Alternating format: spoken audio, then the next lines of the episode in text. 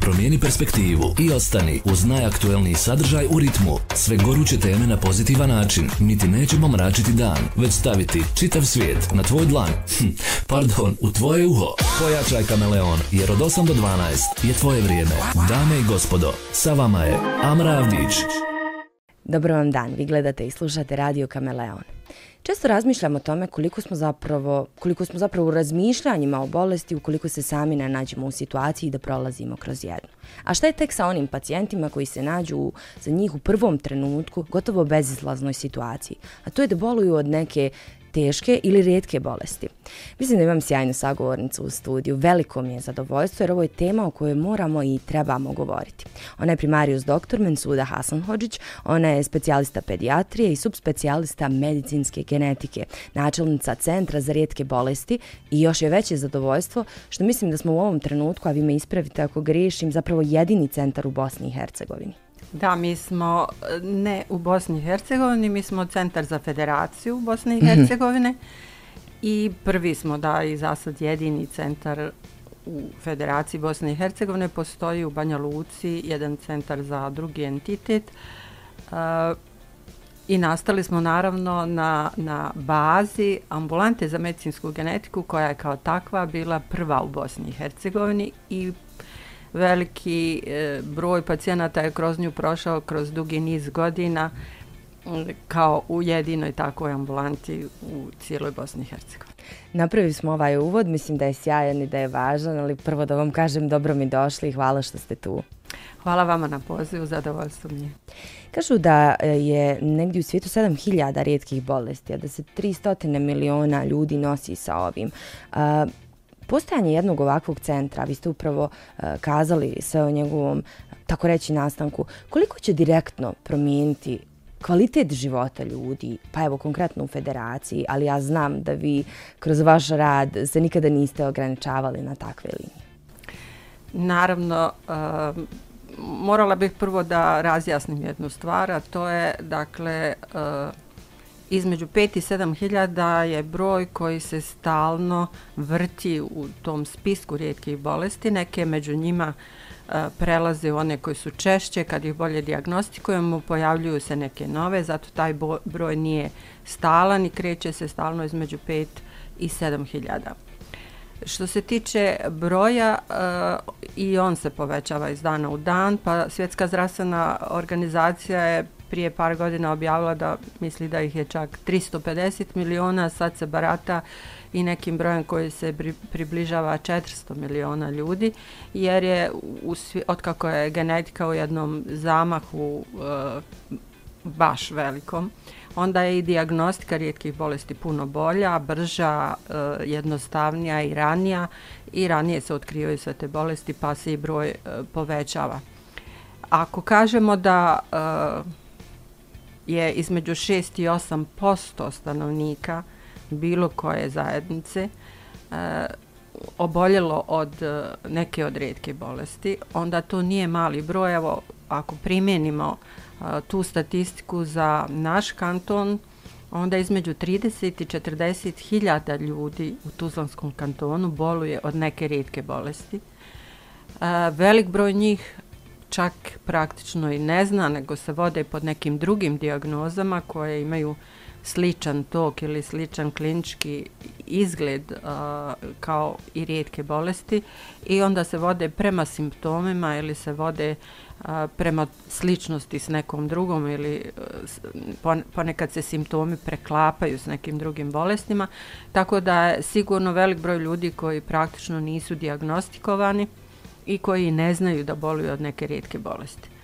Naravno, Bosna i Hercegovina ima problem s diagnostikom jer e, genetička diagnostika nije tako razvijena u smislu da imamo neku laboratoriju koja može pokriti većinu a, diagnostičkih metoda koje se danas koriste u otkrivanju e, a, hroničnih, teških, Eh, i rijetkih bolesti kakve su većina rijetkih bolesti, ali kad znamo da među njima 80% ima neki genetički uzrok, eh, onda nam jedna takva laboratorija da puno znači.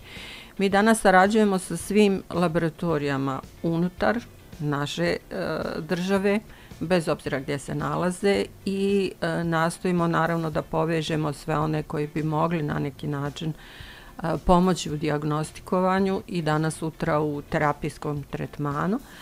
Ali naravno prinuđeni smo da radimo sa svim drugim laboratorijama tako da trenutno sarađujemo skoro sa svim većim laboratorijama u svijetu i nastojimo da na taj način omogućimo pacijentima raniju dijagnozu. To je ono što, što je nekakav uslov da bismo danas sutra mogli poboljšati a, kvalitetu života ljudi s redkim bolestima jer a, prvenstveno moraju dobiti dijagnozu, prvenstveno moramo znati koliko imamo tih pacijenata u našoj zajednici, bilo da se radi o kantonu, federaciji ili cijeloj državi. Moramo znati koje su nam mogućnosti kad su te bolesti u pitanju, šta je to što treba a, još uraditi za ljude koji boluju od neke određene rijetke bolesti, da bismo onda mogli reći da smo na neki način poboljšali kvalitetu života. To ne znači samo nabavka lijeka, to znači i čitav niz drugih stvari u kojima e, takvi pacijenti trebaju pomoć. E sada, sjajan ste mi napravili uvod, ali da još negdje pojednostavimo maksimalno za one koji nas slušaju i gledaju u ovom trenutku. E, zapravo, kada je centar o kojem mi govorimo e, nekakva adresa, kako da pacijenti znaju da zapravo kod vas mogu pokušati pronaći odgovore za ono što ih je mučilo? U prvom redu moramo se vratiti na početak e, da kažemo da kad govorimo o Centru za rijetke bolesti, onda e, moramo reći da je dakle, prevashodno formiran zbog rijetkih bolesti. Ako kažemo šta je to rijetka bolest ili ako se upitamo šta je, onda moramo reći da je to svaka ona bolest koja se javlja u jednog uh, pacijenta ili u jednog oboljelog između 2000 ljudi u jednoj populaciji. Znači, između 2000 stanovnika, jedan je obolio od a, jedne određene bolesti. Znači, ako je ta učestalost manja od tog odnosa, onda to nije rijetka bolest. Naravno, može biti puno rijeđa, pa mi imamo rijetke, vrlo rijetke, ekstremno rijetke ili ultra rijetke gdje jedan pacijent poznat u cijelom svijetu ili ih ima svega par ili ima desetak i tako znači, ali to ne znači da se jedna takva bolest ne može diagnostikovati bilo gdje u svijetu. Znači pa i mi imamo pacijenata koji su vrlo rijetki, ima ih svega dva recimo ili bili su dvije, tri godine jedini u svijetu sa takvom diagnozom. Dakle, mi nismo nikakva izolovana sredina iz svijeta, imamo e, sve i možemo imati, dakle sad tek popisujemo sve dijagnoze koje imamo, ali dakle možemo imati oboljele od bilo koje od ovih rijetkih bolesti koje se nalaze na spisku. I zbog toga centar e, i nosi naziv Centar za rijetke bolesti jer se e, čak i, i Evropska komisija koja radi pri Evropskoj uniji je postavila jedan od uslova Bosne i Hercegovine za ulazak u Evropsku uniju da ima a, riješena pitanja rijetkih bolesti ili da barem ima napredak u oblasti rijetkih bolesti. A, mi smo prvu strategiju za rijetke bolesti napravili prije nekih pet godina i ona je važila do neke 2021. godine i onda je trebalo uh, da imamo novu. Onda je došlo do reorganizacije ministarstvo koje uh, se bavi uh, planovima za, za cijelu federaciju je preuzelo sve programe i planove, tako da se sad naziva programom za rijetke bolesti, ne više strategijom i planom. Uh, Mi smo u, u protekle tri godine radili intenzivno na, na tom programu za rijetke bolesti i jedna, jedan od zadataka je bio na neki način formiranje Centra za rijetke bolesti u cilju zadovoljavanja i to kriterija koje je Evropska komisija postavila i zbog kojeg je najavila bila ove godine posjetu i došla je u posjetu zbog toga. A, Bosna i Hercegovina je morala pokazati da ima napredak u oblasti rijetkih bolesti a federacija koja nije imala formiran centar morala je na neki način uh, a, pokazati da je voljna i da je spremna da ima jedan takav centar. Onda je a, Ministarstvo zdravstva koje je u komunikaciji i čiji je to jel, jedan od zadataka također bio, uh, raspisalo neku vrstu konkursa ili uputilo upit kliničkim centrima Eh, u oblasti rijetkih bolesti, kakav je napredak svaki od tih centara napravio u oblasti rijetkih bolesti i da li bi neko od njih mogao da ima centar za rijetke bolesti koji bi bio za federaciju. Eh, ponuđeno je dakle svim kliničkim centrima eh, i nama, mi smo dobili takav upit i ja sam odgovorila šta je to što ambulanta za medicinsku genetiku radi, koje rezultate imamo, šta smo postigli do sad za ovih 25 godina koliko postojimo. I onda se, is, e, odnosno 23 zvančno kao ambulanta, a time se bavimo od 98. godine, ja lično. Tako da e, se onda ispostavilo da jedino mi imamo uslove za formiranje jednog takvog centra i da bi to praktično bio nastavak rada ove ambulante, nekakav slijed mi smo već uh, imali naše evidencijone liste pacijenata, evidencijone liste diagnoza, sve ono što se tražilo od Centra za rijetke bolesti. Tako da smo mi praktično uh, iz, iz tog nekog resursa koji smo imali u ambulanti za medicinsku genetiku prerasli u Centar za rijetke bolesti i praktično sad radimo e, većinu onih poslova koje smo radili ranije i dobar dio novih poslova o kojima možemo razgovarati e, koji pripadaju isključivo centrima sad radimo oba ta posla za cijelu federaciju. Evo kažite mi koji su to novi poslovi koji sada pripadaju isključivo centru? E, centar, dakle, osim što ima ambulantu za uh, medicinsku genetiku, odnosno za rijetke bolesti i medicinsku genetiku, koja je nastavak praktično one ranje uh, ambulante, jer još nemamo nasljedka, uh, nasljednika u, u, recimo, klinici za dječje bolesti koji bi preuzeo dio tih pregleda, onda sam ja odlučila da za sad uh, sve te naše pacijente ipak uh, zadržimo, redovno kontrolišemo da se ne bi desio neki vakum između a, rada ambulante i centra. A, međutim, osim toga, a, centar radi naravno konsultativne preglede za cijeli klinički centar, za sve klinike.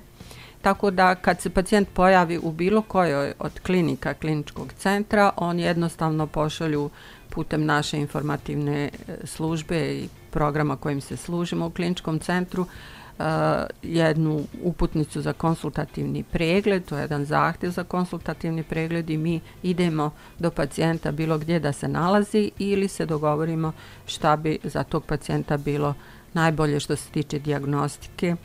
Tako da je e, saradnja evo nekoliko mjeseci od kako aktivno radimo baš kao centar, e, imamo veći broj e, konsultativnih sa različitih klinika, i radimo intenzivno naravno i one e, pacijente na pediatri koje smo i do sad pokrivali.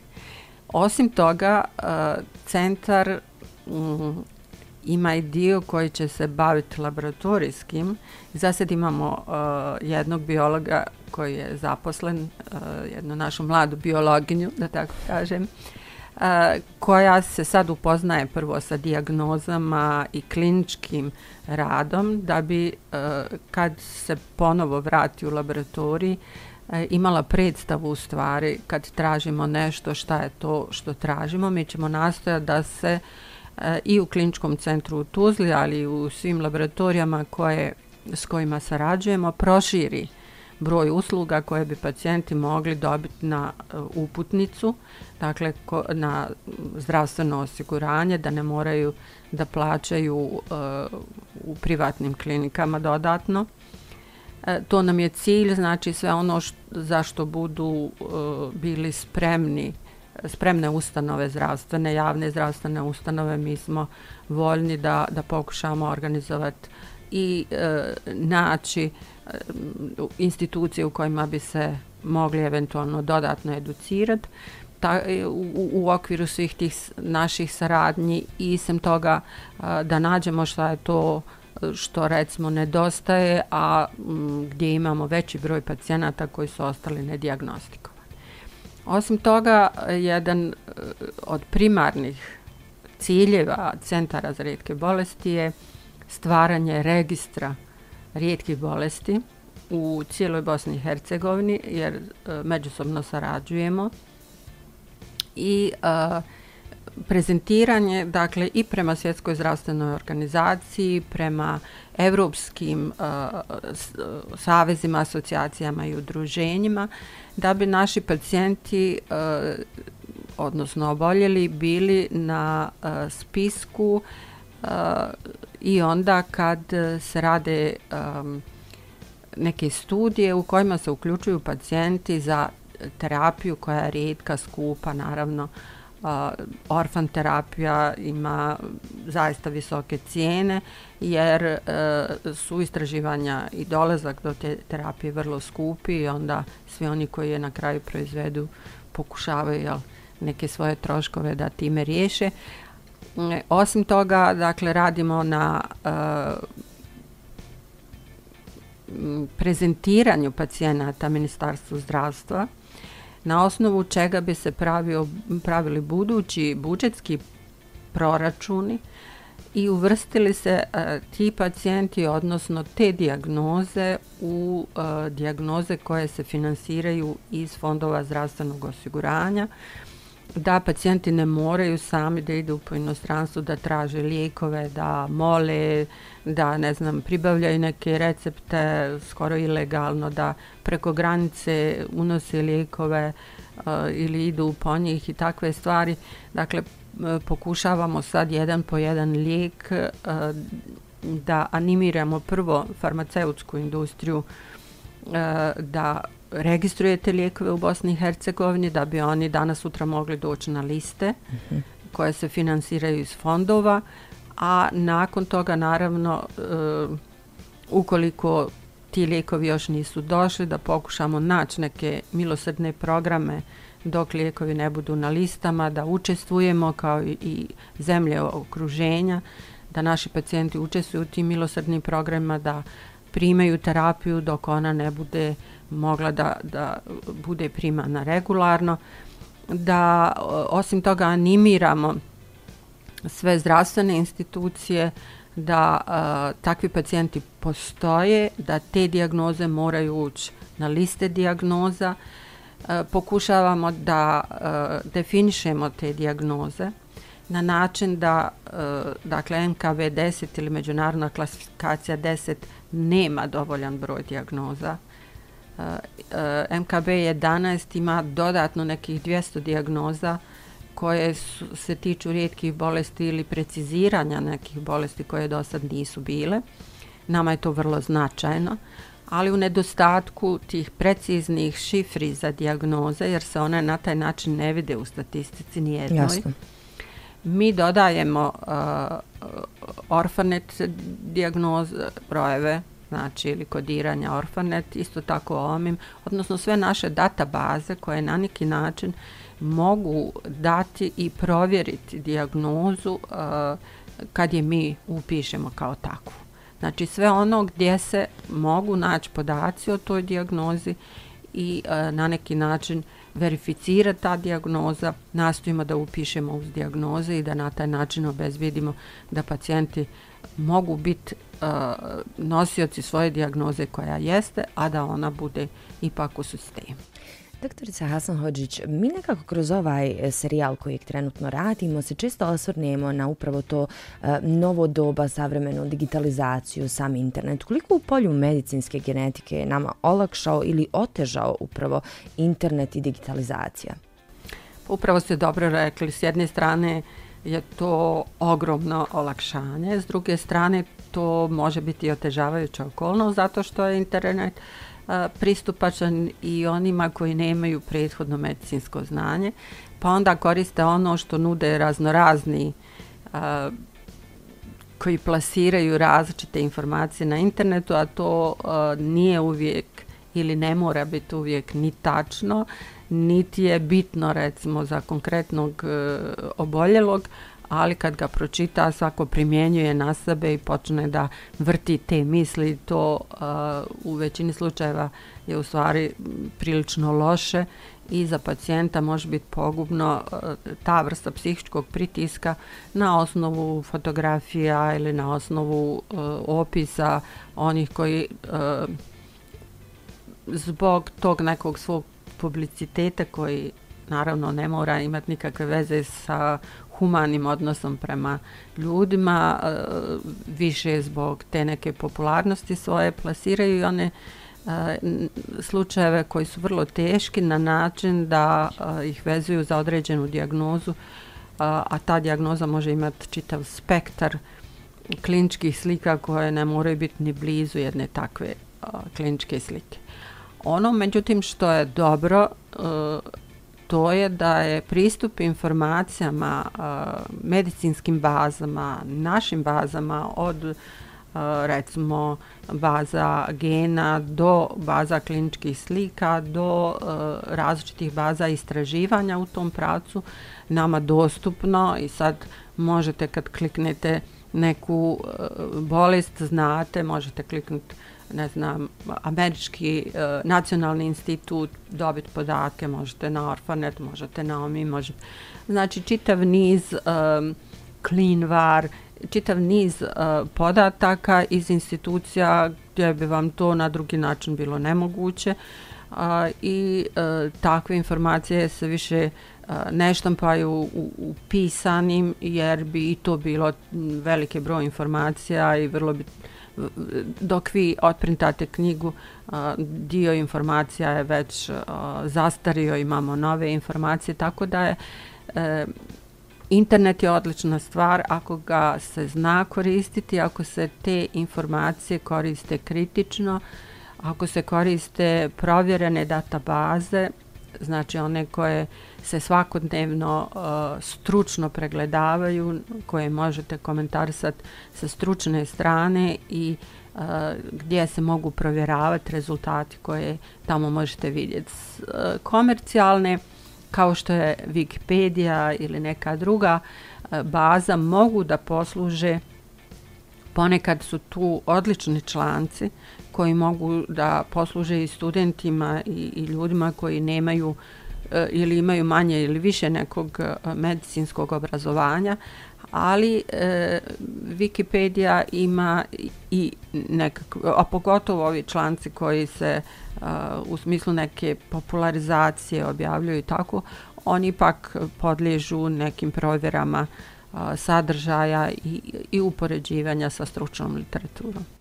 Hvala vam, mislim da je ovo vrlo važno, pogotovo za ljude koji nekada možda se okliznu pa pokušavaju da postave sami sebi diagnoze koristeći internet, a da ne pričamo onima koji pokušavaju da stvore neku materijalnu korist na osnovu tih ljudi.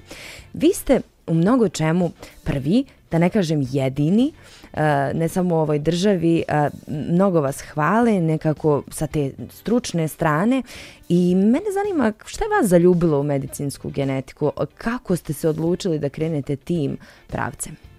Prvo hvala vam na, na svim komplimentima koji ste mi dali na početku.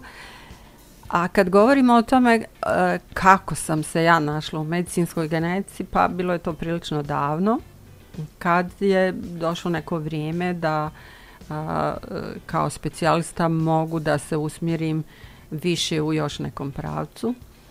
Ja vam spadam u ljude koji rado gledaju naprijed, koji rado gledaju prema budućnosti i traže neke e, mogućnosti, ne samo izazove, dobro, ja jesam i neko ko ne bježi od izazova, ali koji traži mogućnosti da, da u, u nekoj budućnosti imamo neki bolji tretman, bolje liječenje, bolje prepoznavanje, bolju diagnostiku. Ako sam se već opredijelila za a, tu medicinu, onda nekakav napredak u medicini. Kad sam odlučila da se e, javim na konkurs koji je tad raspitan, raspisan u kliničkom centru, više zbog toga da bi mogao da prati taj hematološki i citogenetski laboratorij, što, što je tad bila neka mala ambicija, da tako kažem, ali je bila a, veoma bitna. A, profesor Tulumović je tad a, bio hematolog u kliničkom centru i bio je direktor. I u jednom razgovoru mi je rekao da mm, eto bio je slučajan razgovor rekao mi da bi e, eto sad nema toga bilo bi dobro. Ja sam rekla pa zašto ne bismo i mi? Kroz izvjesno vrijeme on je raspisao zaista konkurs eh, za uh, kliničkog genetičara u to vrijeme i ja sam se javila i onda se desilo, u, u, to je bilo nekako eh, uh, 98. dakle izašli smo tek iz one naše uh, naših ratnih godina i uh, tražili su se razno razne potvrde i od uh, Eh, ne znam vojnog, od ovog, od onog i e, s obzirom da je nekako vrijeme bilo kratko, ja nisam na vrijeme dobila potvrdu da sam cijelo vrijeme bila u kliničkom centru i bila na raspolaganju onaj tokom cijelog tog e, perioda. I onda sam dobila prvu obavijest da zbog nedostatka, e, ali sam se javila naravno i rekla da očekujem tu potvrdu od e, vojnog e, iz vojnog sektora da, da ne mogu načisto ne mogu ubrzati to je onaj moram sačekati i u međuvremenu je ta potvrda došla. Ja sam prvo dobila da sam odbijena a onda sam za par dana dobila da sam primljena.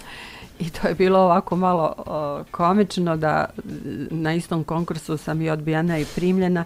Onda sam išla da se javim da kažem šta mi važi od ova dva koja sam dobila konkurs je ponovljen e, ne zbog mene, nego zbog nekih tehničkih stvari. Nije, nije bilo dovoljno e, dana kol, koliko se tražilo po propisu i onda je ponovo raspisan i ja sam u ponovnom konkursu ponovo prošla.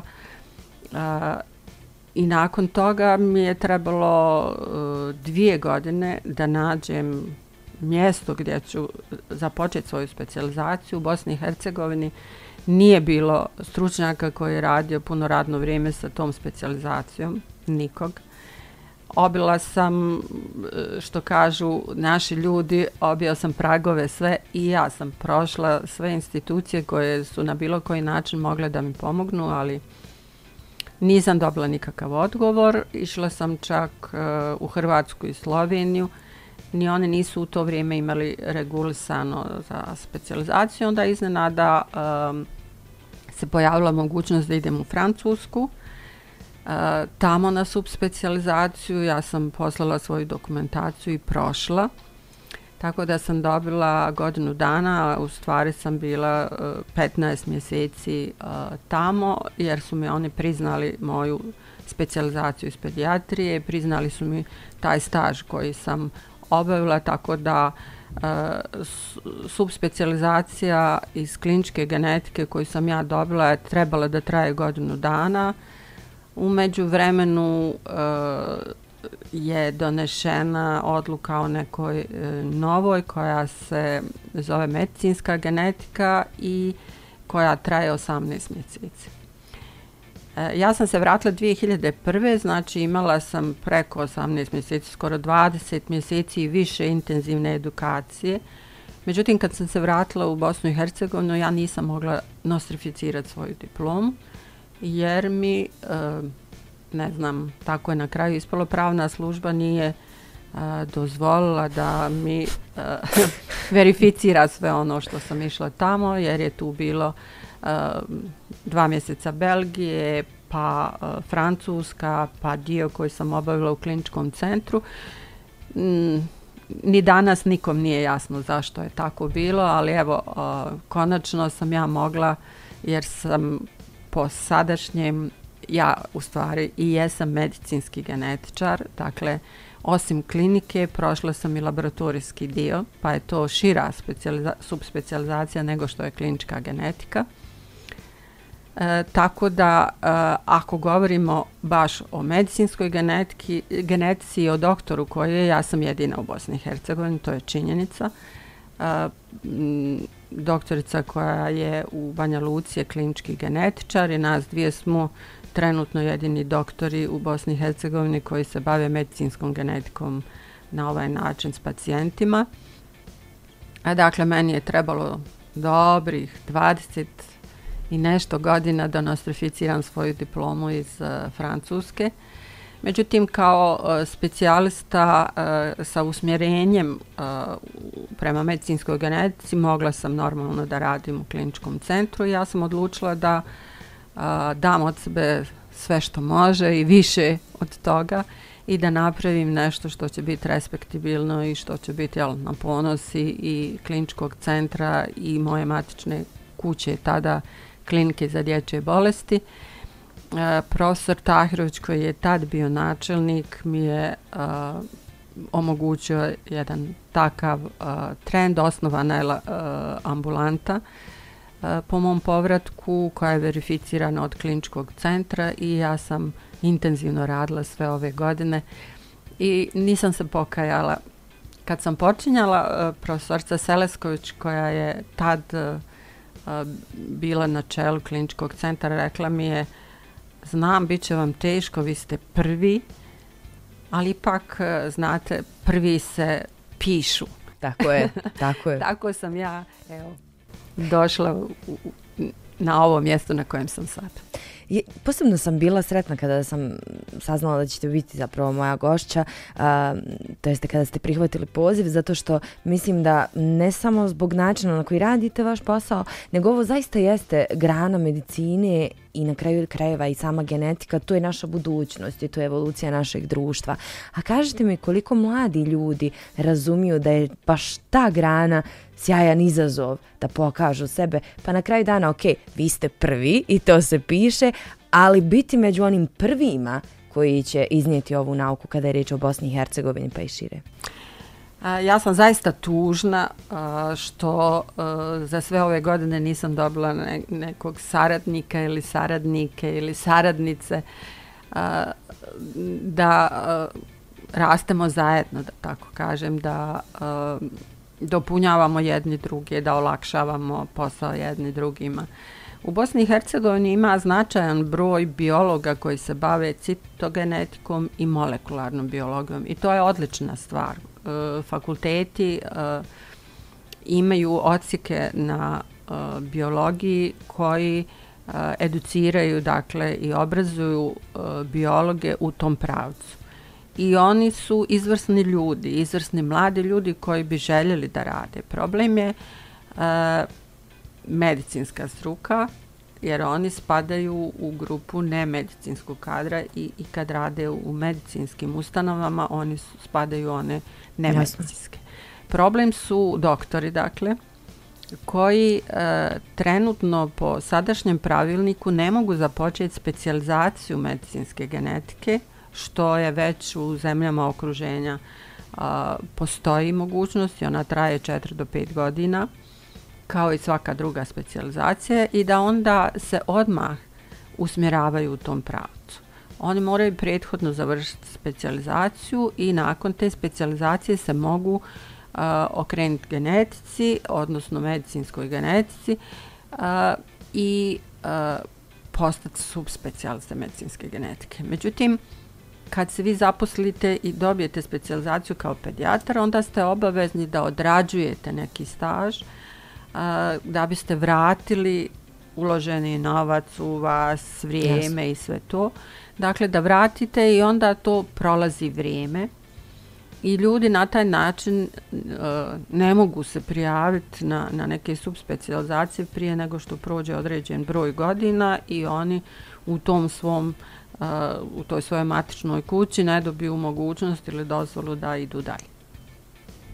To je uh, jedan od, od e, razloga. Drugi razlog je što, uh, kažem, uh, nemamo kadra koji može mentorisati takve subspecializacije. Evo, ja mislim da još uvijek nije uh, raspisana ni da nisam sigurna ni da li je klinički centar još uvijek poslao zahtjev za uh, a, mentorstvo iz a, medicinske genetike jer a, meni je recimo bilo teškoća što ja nisam mogla naći mentora u Bosni i Hercegovini pa sam morala ići dalje.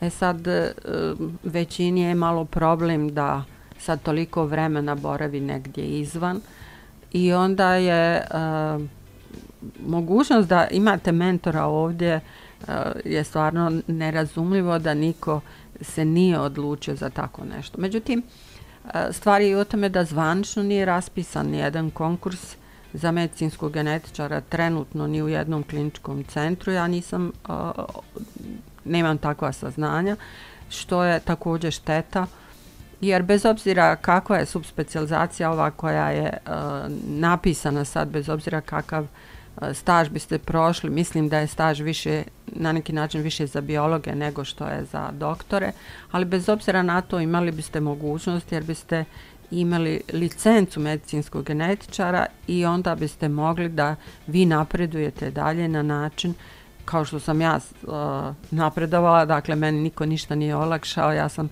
morala se boriti s peta, da kažem, za, za svaki taj i, i, i za svaku dijagnozu i za svaku dijagnostičku metodu i za sve, ali onaj ko dolazi iza mene ima neku podlogu, Upravo. ne mora počinjati iz početka. I meni je zaista žao što evo dugi niz godina nije niko, ne, ne, ne zbog mene i zbog toga naravno. što bi meni bilo lakše da radim, naravno bi, ali onaj, nije to prvenstveni razlog, nego zato što bi voljela da neko ostane iza mene i svi ovi pacijenti koji nemaju praktično nikog drugog na način da, da može da sagleda cijelinu njihove, njihove oboljenja i da im pruži neke dodatne informacije, jer se, ako se ne bavite time i ako ne čitate puno o tome, onda zaista je teško davati informacije uh, oboljelima. I ako nema nekog takvog, onda ja ne znam kome ostavljam Jasno. E, sve te ljude, a i oni, pravo da vam kažem, i oni se brinu, pa onda sto put me pitaju kako sam, jesam dobro, jel, jel ostajem. Donosili su mi tokom ovog perioda korone, moram da se našalim, a, od meda, propolisa, pekmeza, svega, da bi, e, nažalost, ja sam dva puta uh, Eh, oboljela od korone, ali oni su mi svaki put kad bi dolazili donosili nešto da podignem imunitet, da im budem eh, što duže na raspolaganju. Pa ja se iskreno nadam da će ovaj razgovor, ukoliko ga pogleda neka mlada osoba koja e, razmišlja ili ide putem medicine, da će ovo biti inspiracija. Mislim, evo, kažemo ponovo, negdje ste utabali put za njih, a s druge strane znati da nekome koje je u najdelikatnijoj životnoj situaciji, da ne kažem bespomoćnosti, da im možete olakšati pomoć. Hvala vam mnogo što ste bili moja gošća. Mislim da ovoj temi bi bilo potrebno još mnogo, mnogo puta da se susretnemo i sigurno da je hoćemo i hvala vam što možda vi to ne biste tako kazali, ja ću preuzeti odgovornost da kažem što nosite jedan ovakav centar na svojim leđima jer mi znamo da ima tu najviše vaše zasluge. Hvala vama na pozivu. Ja ću još jednom reći, e, ne mogu da kažem da nije bilo zainteresovanih, ali e, okolnosti o kojima sam malo prije govorila spriječile su neke od tih zainteresovanih da ostanu e, u ambulanti ili da sad budu dio centra. Ja se nadam da će se te neke uh, e, E, i formalne i administrativne stvari moći riješiti na način da mi ipak e, dobijemo doktore u Centru za rijetke bolesti, to bi puno značilo e, i kliničkom centru i u budućnosti i pacijentima u budućnosti, odnosno oboljelima i njihovim porodicama a, u nekoj saradnji sa Savezom za rijetke bolesti i u federaciji i, i a, u oba entiteta. Dakle, vrlo je bitno da imamo neki kontinuitet, to je neka moja želja, ja se nadam da ovo vremena koliko mi je ostalo do, do neke mirovine da ćemo nešto od toga riješiti i vama hvala na promociji centra i na ovom što smo danas uh, uspjeli da pojasnimo našim slušalcima i vašim slušalcima. Hvala vam još jednom. Evo čuli ste, ukoliko niste znali, Centar za rijetke bolesti postoji u Federaciji Bosne i Hercegovine. Izuzetno važna institucija, na nju treba obratiti pažnju i na način da ukoliko imamo bilo kakvu moć u svojim rukama, promovišemo, govorimo o tome, a sve u nekom krajnjem cilju, a to je da pomognemo ljudima kojima je to potrebno, pa kroz ovaj centar. Hvala vam što ste bili uz Radio Kameleon, vidimo se sutra. Promijeni perspektivu i ostani uz najaktuelniji sadržaj u ritmu. Sve goruće teme na pozitivan način. Mi ti nećemo mračiti dan, već staviti čitav svijet na tvoj dlan. Hm, pardon, u tvoje uho. Pojačaj kameleon, jer od 8 do 12 je tvoje vrijeme. Dame i gospodo, sa vama je Amra Avdić.